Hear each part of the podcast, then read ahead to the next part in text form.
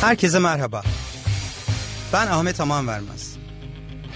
İnsan kaynakları, strateji, kültür, yönetim, liderlik, değişim, dönüşüm, mutluluk, başarı, motivasyon gibi kurumsal hayata dair pek çok konuyu konusunda uzman sürpriz konuklar eşliğinde konuşmak üzere her pazartesi saat 17-18 arası Radyo Gedik'te sizlerleyim. Kulağınız bizde olsun.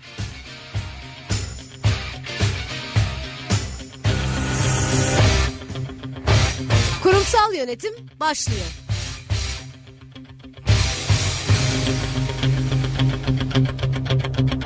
Evet, güzel bir haftadan herkese merhaba. Ben Ahmet Aman Vermez. Kurumsal yönetim programımızda bugün iş süreçleri, dijitalleşme ve organizasyonel değişim üzerine konuşacağız. Yine her zaman olduğu gibi çok e, sıra dışı bir konuğum var. Bu haftaki konuğum hem yazar, hem konuşmacı, hem de yönetim danışmanı sevgili İnan Acılıoğlu. İnan Bey hoş geldiniz. Hoş bulduk. Ee, çok teşekkür ederim davetimi kabul ettiğiniz için. Ben teşekkür Yine e, içerikleri çok keyifli, aynı zamanda verimli konularımız var. Ee, başlamadan önce eğitim hayatınızdan başlayarak en azından dinleyicilerimizin de sizi tanıması açısından kariyer yolculuğunuzu ilk ağızdan e, duymak istiyorum. Tabii ki memnuniyetle. 99 Bilkent Üniversitesi mezunuyum. Endüstri mühendisliği mezunuyum. Ama Ee, meslektaşız. Evet. 98'de başladım iş hayatına. Yarı zamanlı e, planlama mühendisi olarak Aselsan'da. E, 99'da o dönemler çok popülerdi. E, Bankacılık sektörü hem kariyer hem de maddi anlamda çok çekiciydi. Evet. E, Bir iki yıla yakın bir bankacılık serüveninden sonra e, bana göre olmadığını anladım. Askerlikten sonra 2002 yılında Ford Otosan'a geçtim. E, 9 sene Ford Otosan'da çalıştıktan sonra 4 sene Danone'de çalıştım. E, ve 2015 yılında Yıldız Holding'e geçtim. Bu kariyer hayatım boyunca hep böyle proje yönetim ve iyileştirme hayatın bir parçası oldu. Alt sigma kara kuşak sahibiyim. 2005 Harika. yılından bu yana verimlilik projelerinde yer aldım. E, toplamda 7 tane projem e, küresel ölçekte ödül aldı. Çok İki güzel. tanesi Ford, 5 tanesi Danone'de e, ve 2015 yılında operasyonel mükemmellik kültürünü kurmak üzere Yıldız Holding'e davet edildim. 2015 yılında e, 10 küsür şirkette bu e, oluşumu oluşturmak üzere başladığımız dönemde dijital dönüşümde gümbür gümbür geliyordu. 2016 yılında da dijital dönüşümü de aldık. Ee, bir 4 sene boyunca operasyonel mükemmellik artı dijital dönüşüm konularında e, bu kültürün oturtulması, bu projelere liderlik edilmesi gibi çalışmalar yaptım. Ve bu sene başı itibariyle e, kendi şirketimi kurdum. E, ve kariyerimde yaptığım o verimlilik ve dijitalleştirme projelerini şu an geniş çaplı e, hem Türkiye'de hem de Avrupa'da yapma şansı buldum. Çok güzel çözümler sunuyorsunuz. Ee, kariyerinizde de yeni oluşumunuzda da başarılar dilerim öncelikle. Çok teşekkür ederim. Peki e, mühendislikle başlayan, planlamayla başlayan bir kariyerden bahsediyoruz. 98 aradan sene 2019. E, O Evet. dönemle bu dönem arasında yani o dönemin gündemi neydi? Planlama kapsamında baktığınızda iş dünyası hangi trendlere eğilim gösteriyordu? Şu an ne durumda böyle? Kısaca bahseder misiniz? Tabii şimdi biraz geriye gitmek lazım ama bu soruyu alınca ilk aklıma gelen aslında 99 yılında mezun olduğumuz zaman da hayatımızda teknoloji e, ve yeni oluşumlar vardı. Yeni üniversite mezunu olarak o dönem aslında çok açık olmadığımı gördüm ama bazı arkadaşlarımız e, belki reklam da olacak ama SAP'nin yazılımını veya işte onun kurulumunu öğrenmek için mezun olduktan sonra paralı eğitim almışlardı çok anlamsız gelmişti bana. Ya sonuçta 99'da mezun olmuşsun. Birçok iş imkanı var. e, para kazanmaya başlayacaksın ama hala okumaya devam ediyorsun. Çok anlamsız gelmişti. Ama yakın zamanda o arkadaşlarım çok güzel yerlere geldiler ve parasını vererek e, eğitimini aldıkları, o kabiliyetini geliştirdikleri o yetkinliklerle çok e, hem güzel paralar da kazandılar, güzel de yerlere geldiler. Şimdi geriye dönük ilk aklıma gelen sorunuz da o oldu. Ama değişmeyen e, şeylerden bir tanesi de 99 yılında çalışmaya başladım. İşte 20 yıl üzerine koymuşum. Verimlilik adına çok şey e, yapıldı ama bir o kadar da gidecek yol var. Neden? E, çünkü iş yapma modelleri bir şekilde dönüşüyor, müşterinin istekleri dönüşüyor. Sizin verimlilik adına kullandığınız araçlar da değişiyor. O zaman 6 sigma gibi araçlar çok etkin iken üzerine kısıtlar teorisi gibi bir yaklaşım geldi. Şimdi de dijital dönüşümü kullanıyoruz ve dijital dönüşümü şirketlere kattığı iki tane ana değerden bir tanesi operasyonda verimlilik. E, velhasıl aslında amaç değişmiyor ama o amaca giderken e, kullandığınız araçlar değişiyor. Yaklaşımlar değişiyor. Evet. E, baktığımızda aslında değişmeyen bir verimlilik konusu vardı. Aslında verimlilik de operasyonel verimliliğe doğru e, evrilmiş durumda. Belki böyle diyebiliriz. Endüstri mühendisliğinde en önemli konularından bir tanesi optimizasyon dediğimiz, evet. verimlilik dediğimiz evet. konular. Evet. Hatta SAP'in de çıkış noktası o ERP'nin, o Big Data'nın e, nasıl e, kurumsal bir hafızayı oluşturması ve strateji nasıl geliştirmesi üzerineydi. Şimdi her alanda e, verimlilik üzerine çok ciddi e, çalışmalar oluyor. Peki 20 yılı geride bıraktık. Hatta son 2019'u da e, önümüzdeki ay geride bırakıyoruz. Çok evet. hızlı geçen bir yıl oldu Değil yine. Mi? 2018'de benim için öyle. Gündemiyle, konusuyla, siyasi ve ekonomik dalgalanmalarıyla bir yılı geride bıraktık. E, nasıl aklınızda ne kalacak 2019 bittiğinde? 2019 çok radikal bir yıl benim için. Şimdi 2019 baktığınız zaman aslında sizin de hikayenizin danışmanlık hikayenizin başladığı yıl diyebiliriz. Evet yani 20 yıllık bir kurumsal hayatın sonunda üst düzey yöneticisiniz. E, güzel bir yere gelmişsiniz ve önünüzde açık. Böyle bir noktadayken e, kurumsal hayatın o konfor alanından çıkmak oldukça zordu benim için. Ama şöyle kolaylaştırdım. 2013'ten bu yana aslında ben yumuşak bir geçiş yaptım. Aklımda hep gideceğim yer çıkıp sahnede seminer vermek, eğitim vermek veya şirketlere gidip bir şekilde dönüşümlerine katkı sağlamaktı. 2013 yılında İzgören Akademi belki bilirsiniz Ahmet evet, Şerif Ahmet İzgören. Şerif İzgören. Kulakları çınlasın değerli hocam. Selamlar iletelim kendisine. Ee, onunla yollarımız kesişti. Ee, onun kurumunda eğitmen olarak çalışmaya başlamıştım. Ee, ve yine Danone o dönem çalıştığım şirketin e, akşamları iş çıkışı ve hafta sonları e, eğitmenlik yapmam konusunda bana izin de verdi. Her şirketin hala yapmadığı bir şey. Evet. O anlamda da Danone'yi iyi anlarım. E, böyle bir maceram başlamıştı. E, velhasıl 2013'ten bu yana ben aslında çift taraflı, e, çift kulvarla giden yumuşak bir geçiş yaptım. Bu nedenle krizin e, aslında giderek derinleştiği 2019 yılında dışarı çıkma cesaretini bulabildim. Güzel de gidiyor ee, tek şikayetim o da şikayeti çok yoğun. Yani normaldeki iş hayatındaki çalışma üzerine göre çalışma saatlerini çok daha o rahatlığı ararsınız. aramıyor değilim. Ara, aramıyor değilim.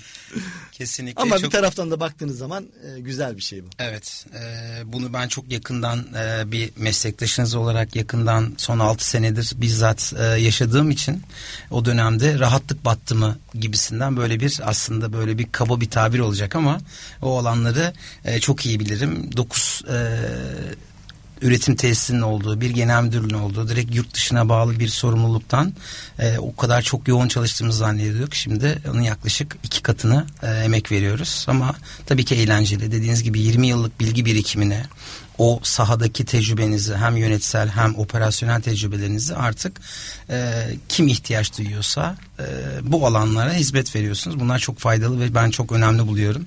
Umarım bir 20 yıl daha bu şekilde hizmetkarlık döneminde bildiğimizi aktarabilme ve dönüştürme süreçlerinde hikayelerimiz olur. Umarım. Peki şimdi 2020 ve sonrası için öngörülerinizi dilerseniz en sonda e, bahsedelim. E, ben biraz daha yakın gelecekte özellikle operasyonel verimlilikten bahsediyorsunuz ve uzmanlık alanlarınız. E, üçlü bir döngüden bahsediyorsunuz. İş süreçleri, klasik endüstri mühendisliğinin konusu gibi. E, bununla birlikte dijitalleşme ve son olarak organizasyon boyutu. Bu üçlü dengede yakın gelecekte neyi dönüşecek organizasyonlar böyle baktığımızda? Nereye doğru gidiyoruz? Ee, şimdi bir takım trendler var. Bu trendler çokça konuşuluyor. Ama bu trendleri üç ana başlıkta e, görüyorum. Bunlardan bir tanesi e, şirketlerin e, müşterilerine verdiği e, değerler değişiyor. Yani müşteriye sunduğu değerler değişiyor. 2017 yılında Alman Türk Ticaret ve Sanayi Odası'nın düzenlediği bir geziyle Almanya'da Endüstri 4.0 kapsamında şirketleri gezdik. Volkswagen'in bir şirketini, fabrikasını gezdik. Şeffaf fabrika olarak anlıyor.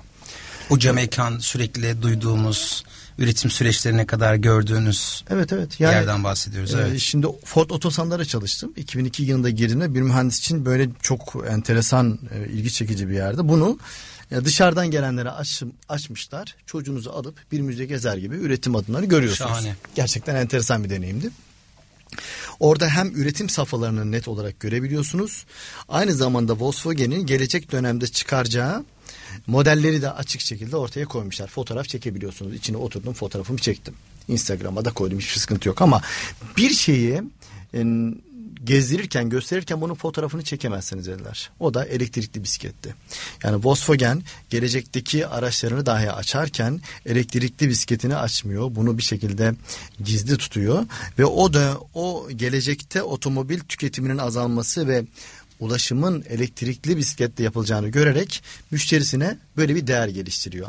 Aynı zamanda Audi gibi peşinden birçok otomobil şirketinin e, bu tarz e, ürünler ürettiğini gördük. Bunun arkasında e, müşteriye üretilen değerin değiştiğini görüyoruz. Şimdi bunun geçmişte de böyle örnekleri var. Örneğin Britannica hepimizin gazete sıralarında kuponlar biriktirerek sıra bekleyerek aldığımız ansiklopediler. Şimdi o firma 250'lik şu Değil an, mi? E, e, bir dönem vardı hala evet, hala da vardır tabii, belki. Tabii. E şimdi ne oldu Ana Britannica? Artık ansiklopedi kimse almıyor. Onlar geleceği gördüler ve müşterilerine yepyeni bir değer ortaya koymak istediler. E, Ana Britannica kağıt olarak sattığı e, ansiklopedi e, döneminde sadece satışlarını sadece yüzde birini bu kanaldan elde ediyordu. Ama geleceği gördü. Yeni bir değer üretmeliyim dedi ve ilk ve orta öğretim müfredatını dijital ortama taşıdı. Ve onu okullara sattı. Ve ayakta kalmayı bu şekilde başardı. Ee, şimdi buna benzer yapılarda görüyorsunuz. Mesela Amazon dünyayı satıyor. Türkiye'de geldi. Şu an perakende şirketleri e, ne olacak? Onun e, endişesi içerisinde. E, Birçok ürün satıyor bilinir ama Amazon aynı zamanda rota optimizasyonu danışmanlığı veriyor. Çünkü uzmanlık alanı bu bu konuda dünyada e, en iyi uygulamalara imza atmış bir şirket. Bunu da bir şekilde danışmanlık olarak satıyor. Veya Hugo Boss tekstil şirketi Alman devi. İzmir'de Endüstri 4.0'ı çok iyi yansıtan bir fabrikaları var. E, şu an sattıkları hizmet işte gömlek, kıyafetin yanında Endüstri 4.0 danışmanlığı satıyorlar. E, veya işte Uber yine dünyadan vermek gerekirse örnek e, Türkiye'de bir şekilde tutunamadılar ve çıktılar farklı nedenlerden dolayı e, Avrupa'nın bazı ülkelerinde de şu an yasaklı İspanya, İtalya gibi. Orada da tabii ki durmuyorlar. Uber Eats altında e, yemek taşımacılığı yapıyorlar. Veya Uber Health adı altında sağlık e, personelini evleri taşıyorlar. Yani müşterilerin ihtiyacını görerek yepyeni değerler sunuyorlar. Türkiye'den de örnekleri var bunun. Ee, örneğin bir telekomünikasyon şirketi müzik dinleme platformu olabiliyor. Evet. Ya şu an bir e, gıda üretiminde ana e, ürün portföyü gıda olan bir holding bir e, IT şirketi kurdu. Kendi IT birimini şirketleştirdi ve dışarı IT konusunda hizmet satmaya başlayacak. Veya yakın zamanda reklamları da olduğu için ismini paylaşabilirim. Şok marketler. 6000 küsür tane mağazası var sizin gidip alışveriş yaptığınız nokta artık diyor ki fatura ödeme merkeziyim ben diyor. Ne kadar akıllıca bakarsanız. Müşterinin ihtiyacı var. E, kendi e, olanaklarını da kullanarak, imkanları da kullanarak müşteriye yepyeni bir değer üretmek üzere yeni bir gelir modeli kendisine oluşturuyor. Gittiğimiz ana trendlerden bir tanesi bu. Çok güzel. Ee, diğer ana trend ise ortak kaynak kullanımı. Buna paylaşım ekonomisi de deniyor, ortak akıl deniyor. Ee, burada da verilen çok klişe bir örnek var. Ee, işte Facebook'un hiç e, gazetecisi yok ama dünyanın en büyük medya platformu veya Airbnb'nin hiç Otelleri dikili, dikili taşı yok evet. ama e, en büyük oteller zinciri Hyatt'ın e, kat kat piyasa değerine sahip gibi örnekler veriliyor ama bunun arkasında bir espri e, gizli. E, bunlar ortada bir iş modeli kuruyorlar ve bunu iş modelini destekleyen çok sağlam bir yazılımlar var. Yaptıkları iş tedarikçileri ve müşterileri bir araya getirmek.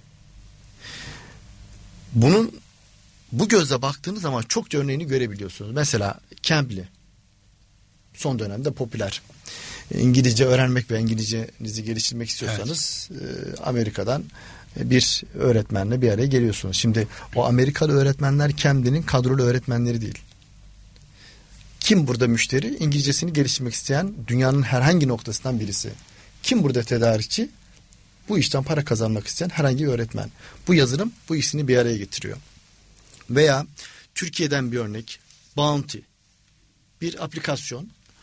Burada e, kendi bölgenizden gidip görev alarak o görevi tamamlayıp para kazanıyorsunuz. Şöyle görevler alıyorsunuz. İşte atıyorum Kurtköy'de şu marketlere gidip bu marketteki şu ürünün sayılması. Oraya gidiyorsunuz. Bu işi tamamlıyorsunuz. Fotoğrafını çekip yüklüyorsunuz.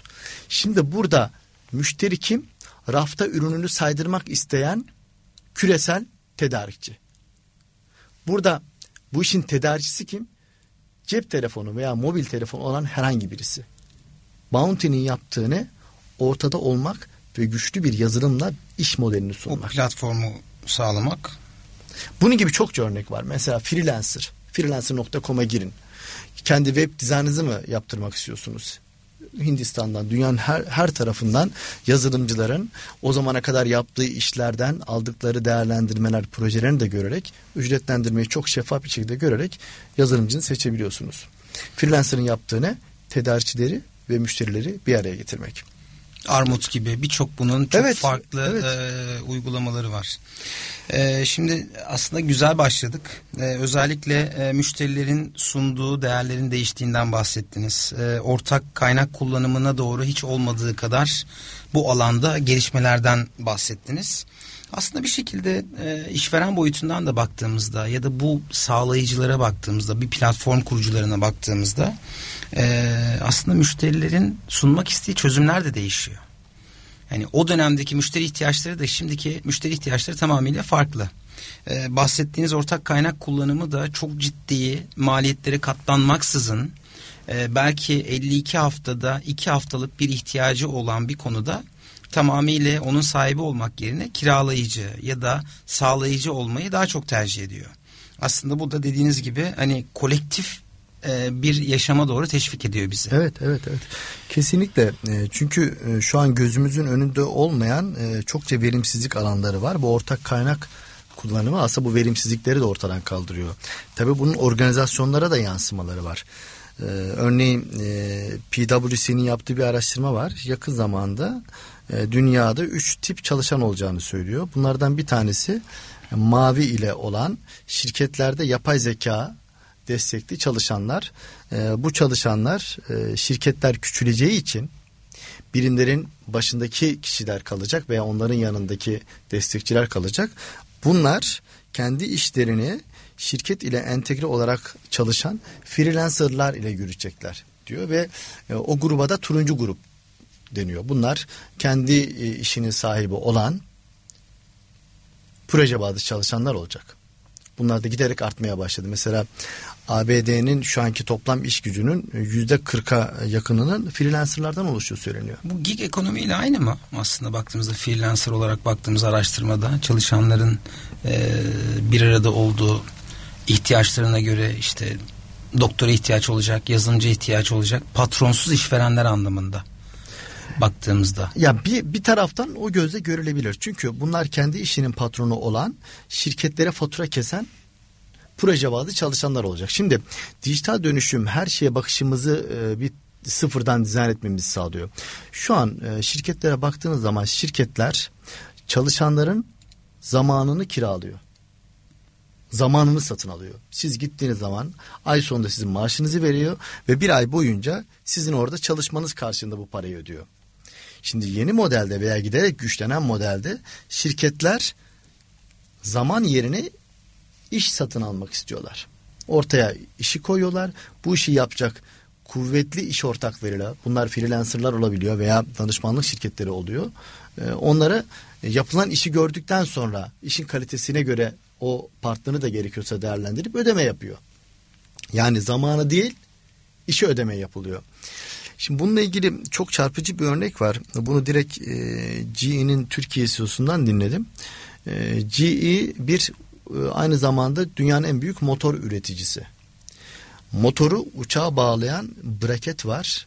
Güçlü olması gerekiyor ve çok ağır. Bu nedenden dolayı yakıt tasarrufu için kritik. Ee, bunu yüzde on beş ağırlığını düşürelim diye bir e, çalışma yapmak istiyorlar. Arge'deki e, birçok parlak mühendis bu konuda çalışıyor. Ama bir türlü ortaya istenen sonuç e, konamıyor. Çıkmıyor. Diyorlar ki biz bunu madem ki kendi içimizde çözemedik biz bunu ortak akılla soralım. Ortak akıl ne? Tüm dünya. Dünyaya duyuruyorlar. Ve biz böyle bir e, proje yapmak istiyoruz. Kimler katılmak ister? Bir yarışma düzenliyorlar. Binlerce başvuru oluyor. İlk filtreden işte yüzlercesi geçiyor vesaire. En sonunda bir proje kazanıyor. Projedeki dizayn dört kat daha dayanıklı, yüzde seksen daha hafif bir braket ortaya koyuyor. Bakın hedef yüzde on beşken. %15'ken yüzde seksen. Dünyaya soruyorsunuz bunu ve bu projeyi kazanan 26 yaşında bir genç mühendis ve işin enteresan tarafı Endonezya'nın mühendis hayatını hiç uçağa binmemiş. Şimdi GE gibi şirketler sormayacak mı? Ben kendi kadromda bu kadar mühendisi bir arada çalıştırmak yerine ben bunu dış dünyaya açsam ve bu tarz dizaynları veya ihtiyaçlarımı ihtiyaç oldukça çok daha iyi çözümler sunan dış dünyadan alsam diye sormayacaklar mı? Genel gidişat bu yönde. İşte evet.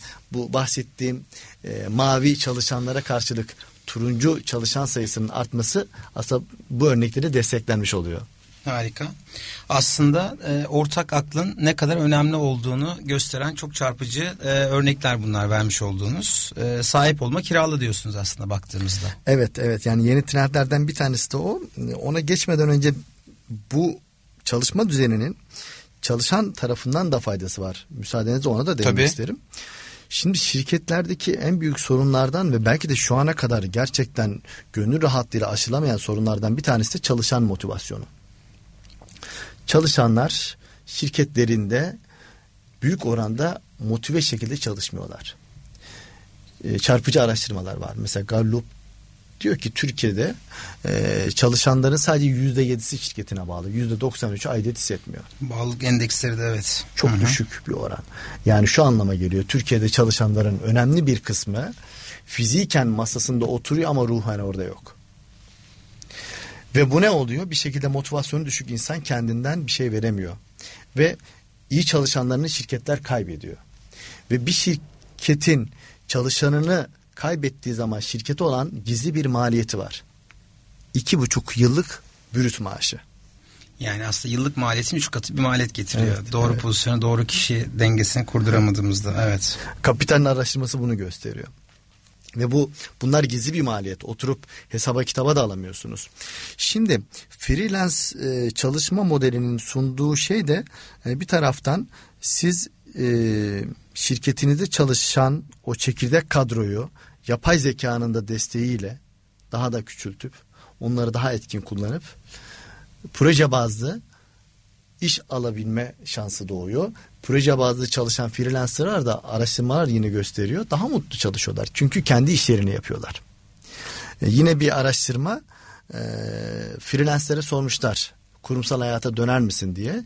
Yüzde 52'si demiş ki ne para verilirse verilsin ben geleneksel iş hayatına dönmem. Çünkü o tarafta var, özgürlük de var. var evet. Kendi işinin başında olmak var. Karar verici o. Yani evet. bu bu modelin giderek yaygınlaşan bu modelin aslında hem şirketlere hem de çalışanlara sağladığı fayda var. Evet karşılıklı fayda aslında ortak fayda diyebiliriz. Evet. Yine böyle baktığımızda. Aslında güzel konulara değiniyoruz. Şimdi çalışan boyutuna e, biraz daha detaylı girmek istiyorum. Bununla ilgili zaten sizin daha detaylı çalışmalarınız da var. Hatta bunu taşlandırdığınız bir kitap da yazdınız. Bunları e, ikinci programımızın ikinci kısmında da devam etmek istiyorum. Ee, öncesinde dilerseniz bir müzik arası verelim. Hatta e, sizinle e, yayın öncesi konuştuğumuz aslında ortak bir sevdiğimiz bir müzikle e, devam etmek istiyorum. Never Give Up şarkısı. E, bu Süper. galiba e, çok da konuya paralel bir müzik olacak. E, müzikten sonrasında tekrar kaldığımız yerden devam edeceğiz. Teşekkürler.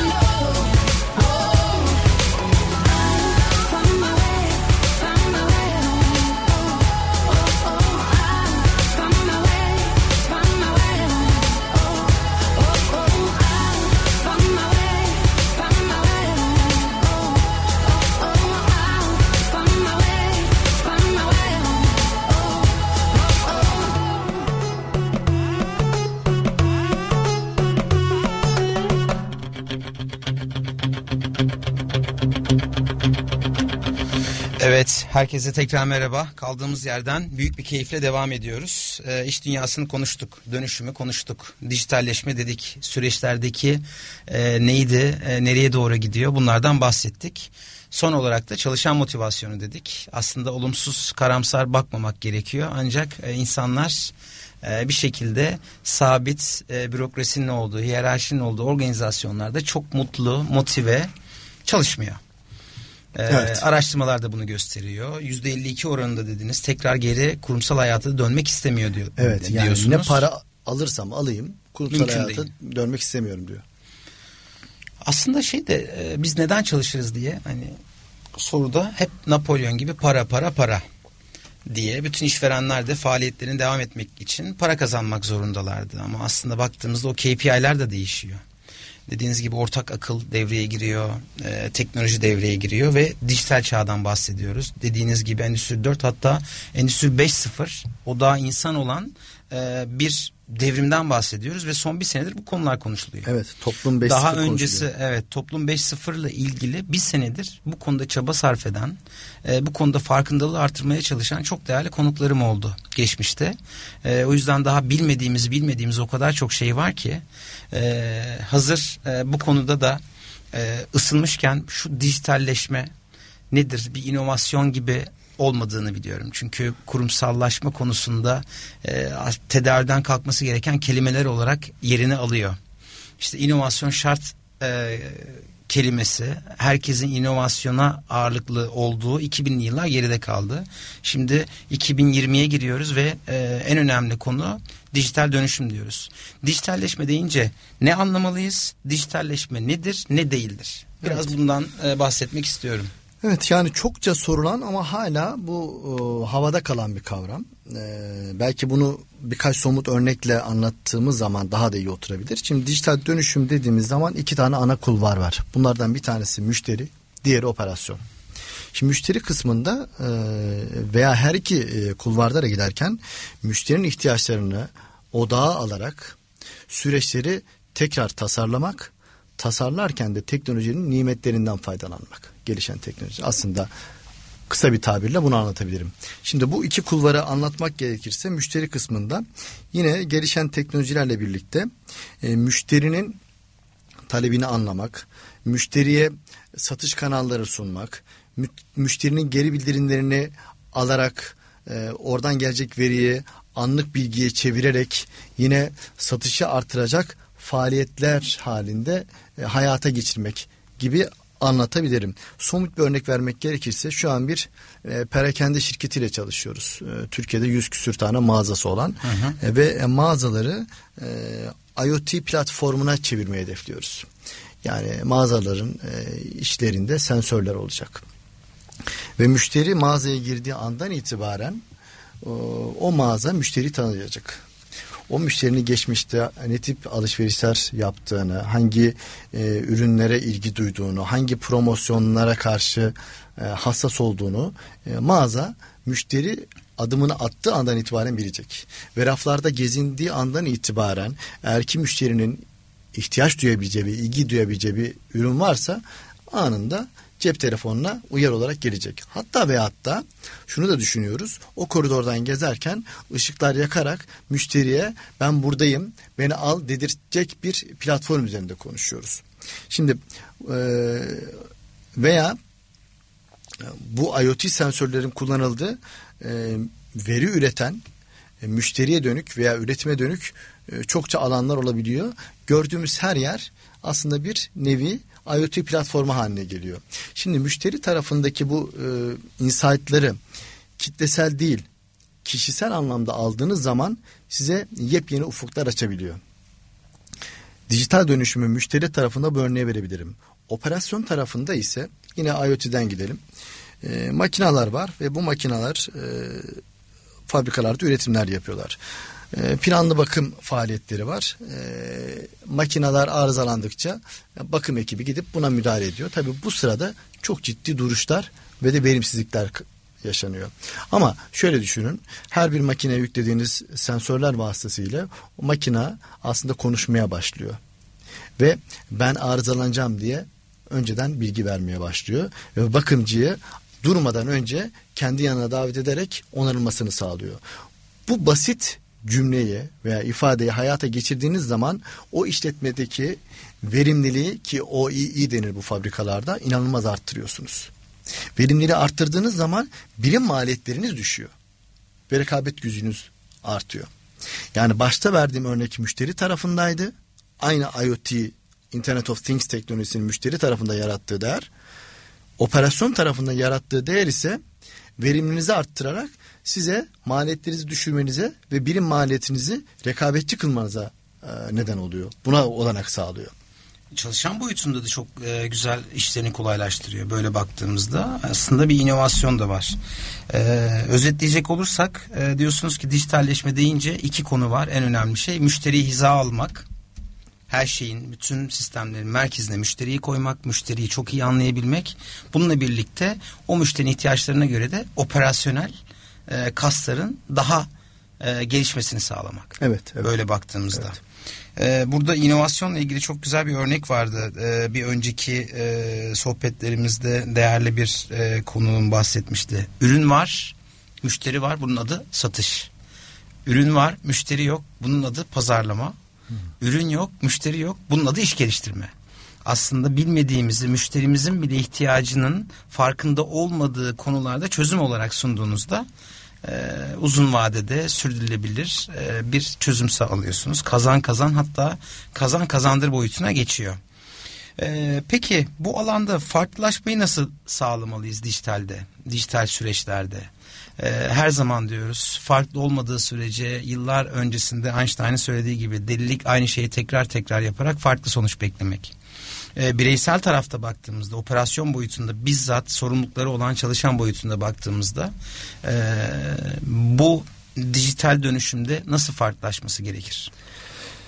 Her şeyden önce bu dijital dönüşümü biz çok kısa anlattık ama tabii bu uzun bir e, yolculuk şirketlerin ve bireylerin gideceği. Önce bu dijital dönüşüm nedir bir sindirmek lazım. Dijital dönüşümün getirdiği e, bir nevi e, anahtar kelimeler var. Onlardan bir tanesi kişiselleştirme. Mesela bu biraz önce verdiğim örnekler müşteriyi mağaza içinde tanımak. Özel hissetme. E, direkt kişi odaklı bir yaklaşım sergiliyorsunuz. Veya bir önce pazarlamadan bahsettiniz. E, bir e, ayakkabı markası üst segment bir ayakkabı çıkardığı zaman ki o ayakkabı koşarken iç organlarınızın koşmamasını sağlıyor. Üst segment bir ayakkabı. E, tabii haliyle pahalı bir ayakkabı. Şimdi bunu e, kitlesel e, pazarlama araçlarıyla sunduğu zaman e, bunu alacak insanlara doğrudan gitmiyor. Kişiselleştirerek odaklı gitmesi lazım. Şöyle yapıyor. Bebek sahilde sabah saat 6-7 arasında koşan e, insanları Google'dan görüyor. Onların Spotify'dan hangi parçayı dinlediğini anlıyor. O parçaları tespit edip o parçaların içerisine YouTube'da veya dinlediğiniz alanlarda reklamını koyuyor. Şimdi ne yapmış oldu? Dijital marketing dediğimiz aslında bir nevi bu. Kişiye odaklı doğrudan bir pazarlama faaliyeti gerçekleştirdim. Ee, bunun gibi anahtar kelimeleri var dijital dönüşümün. Kişiselleştirme, e, üretimlere e, bir şekilde karşılığını buluyor. Üçüncü endüstri devrimi e, hatta ikinci endüstri devrimi bu Henry Ford'un mimarı olduğu e, devrim e, mass production dediğimiz büyük kitleler halindeki üretimi ucuza mal etmemizi sağladı. E, ortalıkta hiç otomobil yokken e, Henry Ford'un o bant e, üretimi, elektriği kullanması e, otomobillerin bir anda ortalığa çıkmasına neden oldu. Mesela Henry Ford'un bant üretimiyle ürettiği o e, T model araç ki sadece siyah renk üretmiştir. 16 milyon adede yakın üretilmiştir. Bakın hiç araç yokken ve hala dünyanın en çok satan ilk 10 aracı arasındadır. Çünkü getirdiği yepyeni bir iş modeli e, mass production'ı getirdi. Şimdi bu dördüncü devrim ile birlikte mass production'ın aynı adetlerdeki aynı büyüklükteki ürünleri kişiye özgü üretilmesi bahsediliyor. Bunu yaparken de e, işte biraz önce bahsettiğim gibi teknolojilerin iş süreçlerine entegrasyonu olduğu gibi 3D yazıcı gibi bu zamana kadar hayatımızda e, olmayan araçlar ortaya çıkacak. Teknolojinin nimetleri yerinde kendini göstermeye başlayacak. Hal böyle olunca e, bir ayakkabı mağazasına gittiğiniz zaman e, kendi ayağınızın uygun ayakkabıları denemek yerine e, oturacaksınız. 3D yazıcıda kendi ayağınızın bir şekilde kalıba alındıktan sonra imal edilmesini beklerken kahve içeceksiniz. Evet. Ve size özel bir ürün gelecek. Velhasıl kişiselleştirme bu anahtar kelimelerden bir tanesi. Dijital dönüşümün bu arkasına getirdiklerini iyi anlamak, hazmetmek gerekiyor. Öncelikle sorunuzun ilk cevabı olarak. Ardından da e, bu e, nimetler, teknolojik nimetler benim işimi nasıl etkiliyor oturup bir kafa yormak gerekiyor. Çünkü e, yine farklı araştırmalar var. Ee, belki konuşmanın sonunda buna değinecektik ama e, yeri geldiğini anlatmakta fayda var.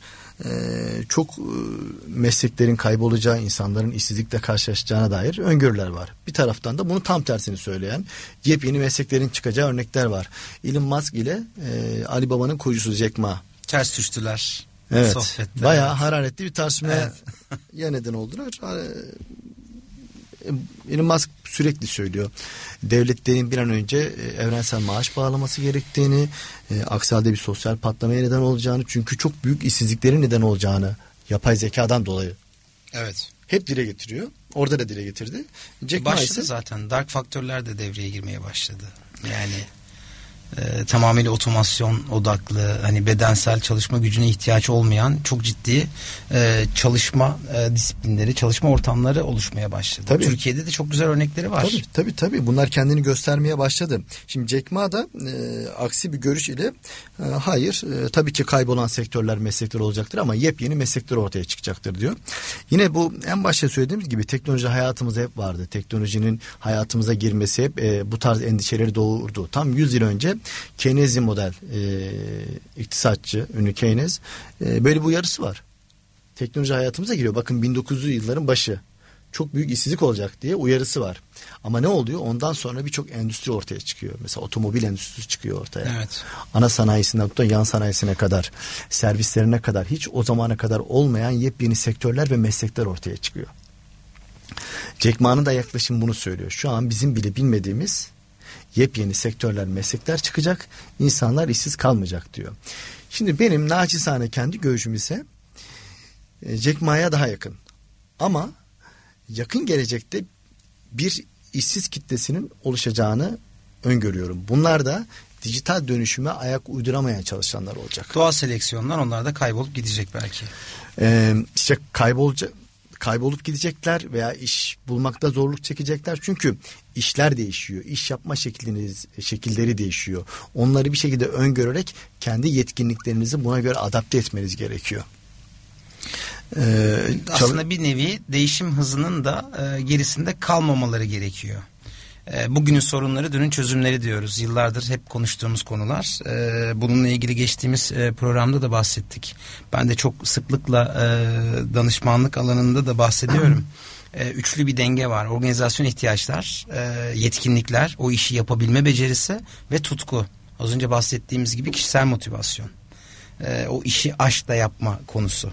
Dolayısıyla bunun üç, üçü bir arada olduğunda müthiş bir başarı getiriyor e, işte bahsettiğimiz aslında o tam çıtada olan e, çitte olan e, şu an geçerli meslekler gelecekte de geçerli olması için e, az önce bahsettiğiniz kişilerin de çalışan boyutunda da e, biraz daha e, bu beni nasıl etkiliyor ve gelecekte ben bunu nasıl farklılaştırırım gibi bu alanlara değinmesi gerekiyor. Evet. Kişiselleştirme konusu aslında kendi kendine de e, beraberinde getiriyor. E, peki e, bu iş süreçleriyle çalışan boyutuna baktığımızda e, çok fazla bir data var. Öyle değil mi İnan Bey? Yani baktığımızda herkes analizler yapıyor. Herkes bu e, var olan e, datalar üzerinden bir şekilde işini kolaylaştırmaya yönelik e, hali hazırda alıyor ve kullanıyor.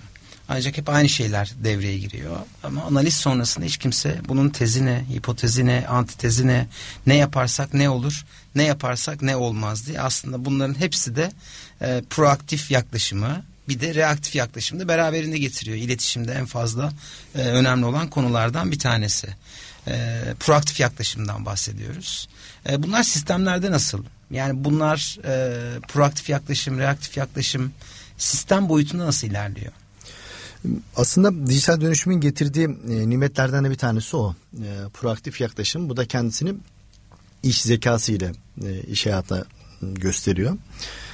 E, şimdi bizim klasik yaptığımız raporlamalar hep reaktif. Yani Eylül ayı bitiyor. Ekim'in ortasına geldiğimiz zaman Eylül ayındaki metriklerimiz ne oldu? Oturup bakıyoruz. Ondan sonra Ekim ayında onlara aksiyon alana kadar zaten Kasım geliyor. Normaldeki iş yaklaşımı bu. Şimdi yeni nesil raporlama da reaktiften proaktife doğru kayıyor. Nasıl proaktif? Siz ayın 10'una geldiğiniz zaman e, bu şekilde giderse ay sonu benim satışlarım ne olacak? Üretimim ne olacak? Kayıplarım ne olacak? Onu gösteren anlık dashboardların bir şekilde iş hayatına girdiği real time reporting dediğimiz e, araçların iş hayatına girdiği iş zekalarını görüyoruz. Şimdi bunları kullanabilen şirketler çok büyük avantaj sağlıyorlar. Çünkü geleceği görmeye başlıyorlar. Öngörüyorlar. Geç, geçmişe bakıp ya ben nerede ya hata yaptım nasıl bir önlem alayım demek var. Geleceği görüp ha ben burada bunu yapmam gerekiyor ki hedefimi tutturayım demek var. Şimdi proaktif gören ön, önünü görebilen şirketler haline gelmeye başladılar iş zekaları sayesinde. Şimdi burada bir parantez açarak e, yapmak istiyorum. Mesela iş zekası e, şu an e, bir e, şirkette tamamladık. Yeni bir şirkette çalışmaya başladık. Tam bahsettiğimiz real time reporting dediğimiz anlık raporlamanın yapıldığı, metriklerin anlık olarak görüldüğü hatta geleceği de gösterdiği bir e, dashboard üzerinde çalışıyoruz. Bizim yaptığımız ilk iş ne biliyor musunuz? Oturup doğrudan kolları sıvayıp dijital bir çözüme bir şekilde hemen başlatmak değil, oturup önce bunu kağıt üzerinde tasarlamak. Önce süreci doğru tasarlayacaksınız, metrikleri doğru formülize edeceksiniz. Ardından bunları dijitale taşırsanız anlamlı oluyor.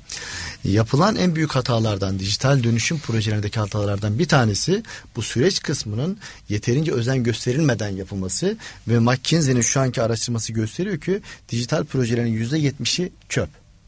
Bunu da ana, ana nedenlerden bir tanesi arka taraftaki iyi sürecin iyi tasarlanmamış olması. Dijitalleşme kağıdı ortadan kaldırabilir ama dijitalleşme kesinlikle kağıt üzerinde başlar. Bildiğiniz duvara çizerek başlar. Bildiğiniz Excel'de formülleri yazarak başlar. Ardından herkese mutabık kaldıktan ve emin olduktan sonra dijitale taşırsanız anlam e, kazanıyor ve size fayda getiriyor. Aslında ön bir simülasyon gibi dediğimiz gibi mevcut e, sistemlerin ne olduğunu çok iyi tasarlayacağız ki altına doğru verilerle dediğiniz gibi metrikleri doğru tanımladığımızda bize yol gösterecek. Kesinlikle. Yol gösterici olmayan hiçbir teknoloji ne uygulanabilir e, ne de bir çözüm sunabilir. Strateji destekleyebilir. Burada ee, affedersiniz Bill bir sözü var. Tabii. Süreç ile dijitalleşmeyi e, bağlayan verimli bir süreci e, verimli bir süreci dijitalleştirdiğiniz zaman misliyle verimlilik elde edersiniz diyor. Ama verimsiz bir sürece dijitalleşme götürdüğünüz zaman misliyle verimsizlik elde edersiniz diyor. Önce Doğru. süreç. Aynen. Önce süreç. Onu da orada vurguladığı şey bu olmazsa olmaz konulardan bir tanesi. Sürecin çok iyi tasarlanması, o workflow dediğimiz yıllardır hep üzerinde konuştuğumuz o akışın, bu işin önü ne, sonu ne? Ee, başlangıcı ne, nerede başlıyor, nerede bitiyor bunların çok iyi tarif edilmesi gerekiyor. Tamamıyla dinamikleri gereği farklılaştığı konularda ayrı ayrı e, bir birim olarak değerlendirilmesi gerekiyor. Aslında bir şekilde hani hep iletişimde konuşuyoruz. Proaktif yaklaşım, reaktif yaklaşım. Olay olduktan sonra tepki verene reaktif, olay olmadan öngörülerle hareket edene proaktif diye çok klişe lafları var. Siz bunu raporlamada ve hani kullandığımız e, sistemlerde de bunu aslında kişiselleştirmişsiniz. Bir duygu katmışsınız. Ee, ki bunlar olmadığı sürece uzun vade strateji olmuyor. Evet. Katkısını da göremiyorsunuz. Tabii bu e, iş zekası e, bu beyaz yakanın kendi hayatında kullandığı araçlardan sadece bir tanesi. Hani iş zekası aslında dijital asistanlar hayatımıza giriyor. Hep böyle bir yapay zeka gelecek, beyaz yakanın elinden işini alacak. Evet, bazı işleri alacak. Sıra bize de geliyor diye Sıra çok bize de, e, gelecek. E, ama beyaz yakanın e, kendi e, işini mi alacak yoksa yaptığı bazı görevleri mi elinden alacak? Şimdi beyaz yakanın yaptığı bazı işler var. Bunlar rutin işler. Sürekli aynı şeyi yapıyorsunuz. Aslında bir karar mekanizması yok orada. Sürekli aynı iş yapıyorsunuz. Şimdi bunlar bir şekilde yapay zekanın eline geçecek. Beklenti o yönde. Geçti de aslında. RPA yavaş dediğimiz yavaş geçmeye başlıyor. Evet. Robotic Process Automation e, robotik süreç otomasyonu. E, bilgisayarda yüklediğiniz yazılım sizin yaptığınız işi eğer ki belli bir algoritmayla rutin olarak yapıyorsanız öğreniyor ve sizden alıyor. Şimdi beyaz yakanın yaptığı işin önemli bir kısmı böyle. McKinsey'nin araştırması %50'ye yakının böyle olduğunu söylüyor. Burada farklı araştırmalar var. %12 diyen de var. %12 ile %50 arasında olsun. Hani benim gözlemim %30-35 civarındadır. Şimdi bu işler... Bu hiç hafif alınacak bir rakam değil. Kesinlikle. Her üç işin biri tamamıyla e, yapay zeka bizim elimizden alacak gibi. Kesinlikle. E, bu hani bir araştırmaya dayalı olmayan benim gözlemim. E, diğer taraftan e, bu işler bu tabiri caizse ham maliyeti yüksek olan işler nedeniyle de beyaz yaka oturup kendi işini geliştirmeye zaman ve fırsat bulamıyor. Aslında yapay zekanın bu rutin işleri e, devir alarak beyaz yakaya da kendi problemlerini çözmek, işini geliştirmek üzere de bir saha bırakıyor. Orada kendini geliştiren ve burada fırsat gören beyaz yakalılar aslında avantajlı duruma geçecekler. E, RPA e, kendini daha fazla gösterecek trendlerden bir tanesi. Şimdi yapay zekaya sahip dijital asistanlar giderek beyaz yakanın hayatına girmeye başladı. Şimdi bir iş yönetin veya bir ekip yönetin veya koskoca bir şirketi yönetin. Dört adımlık bir döngüyle aslında yönetiyorsunuz. Veriyi alıyorsunuz, bunu bilgiye çeviriyorsunuz, buna istinaden karar alıyorsunuz, karar aksiyona geçiriyorsunuz. Evet. Bu döngünün sonucunda yeni veriler oluşuyor. Bu döngüyü tekrarlıyorsunuz. Şimdi bunu siz ne kadar sağlıklı yaparsanız aslında işinizi o kadar iyi yapmış oluyorsunuz.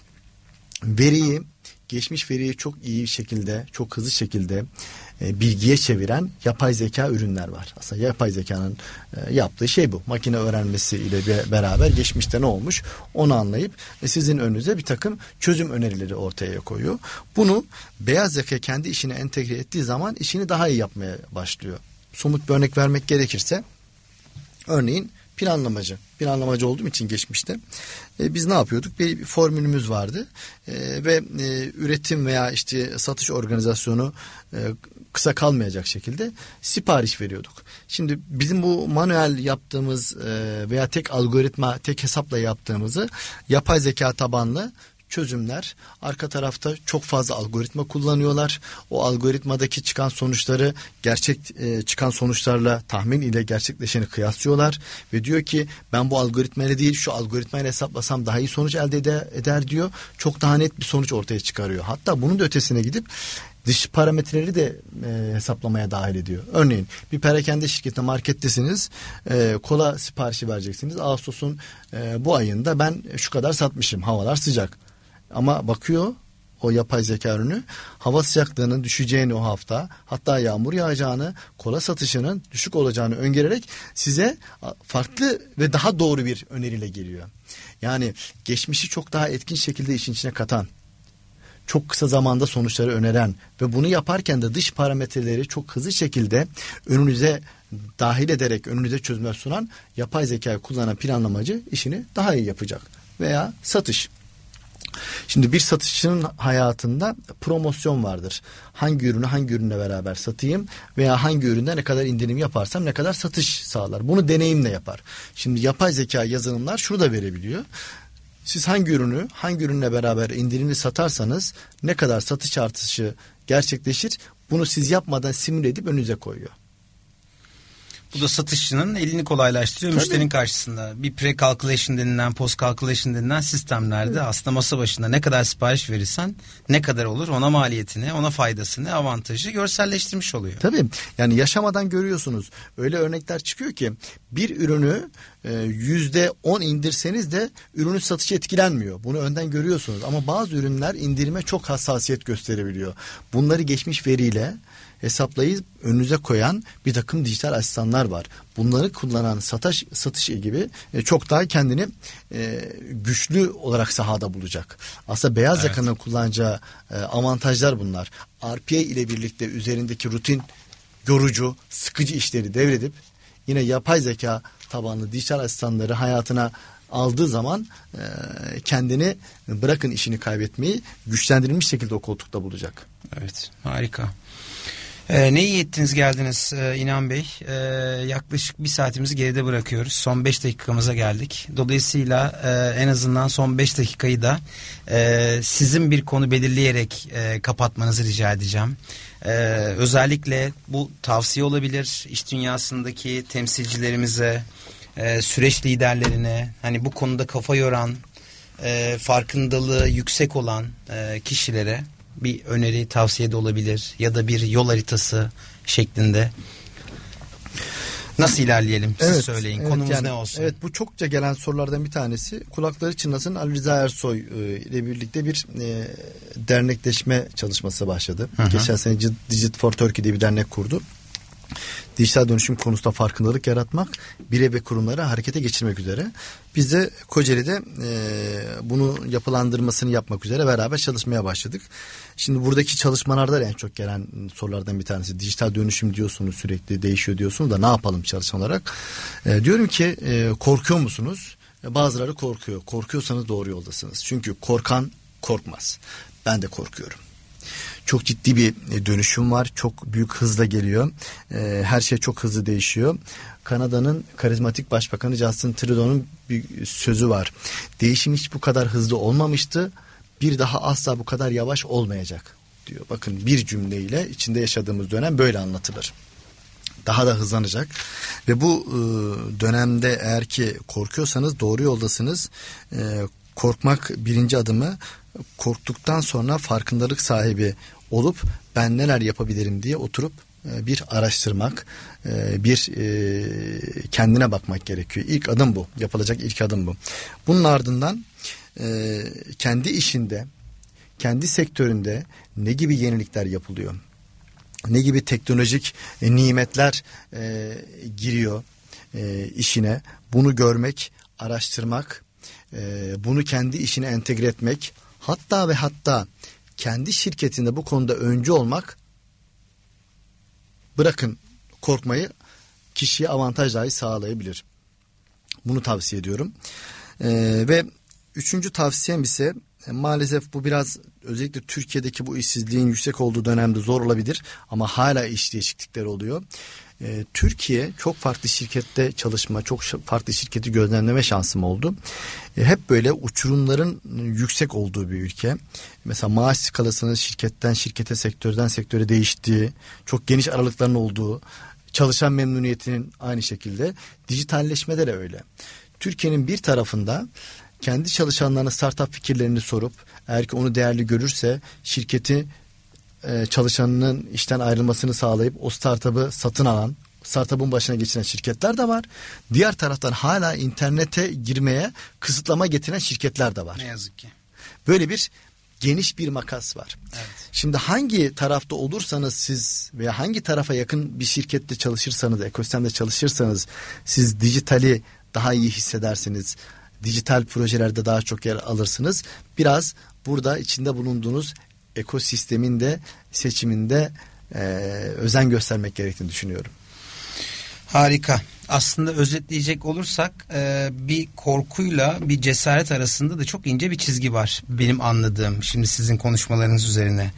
E, cesaretli olmak e, korkmamak değil o korkuya rağmen aksiyon alabilmek. Evet. Öyle değil mi? Evet. Dolayısıyla bizim de artık tarafımızı e, seçmemiz gerekiyor diyorsunuz. Özellikle dinleyicilerimize ve bundan sonrasında da yayınımızı, bu podcast'imizi ileride de dinleyecek olan e, bütün arkadaşlarımıza e, korkan korkmaz. Korkmak kötü bir şey değil. E, bu korkulara rağmen aksiyon alabilmek, bilmek yerine yapabilmek, e, umutsuz olmamak gerekiyor. Mutlu, umutlu olmamız gerekiyor. Bu teknolojiyi de e, bir tool olarak kullanmak gerekiyor. E, evet. Bundan sonraki her türlü iş hayatımızda. Ee, ben çok teşekkür ederim İnan ben Bey. Teşekkür çok ederim. keyifli bir sohbet oldu. Bir mukabil. Çok ee, keyif ben, aldım e, kesinlikle karşılıklı bu zaten enerjinizde geçiyor. E, bu bende de e, çok rahatlıkla söyleyebilirim.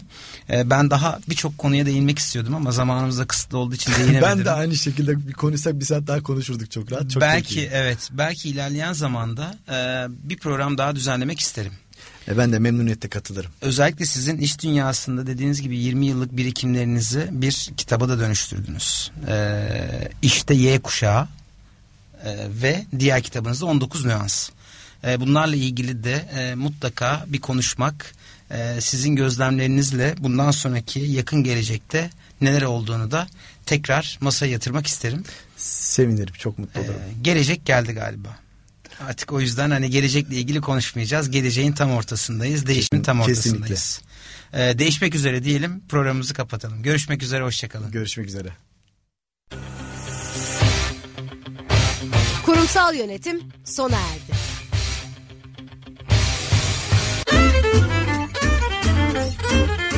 Türkiye'nin ilk ve tek kurumsal internet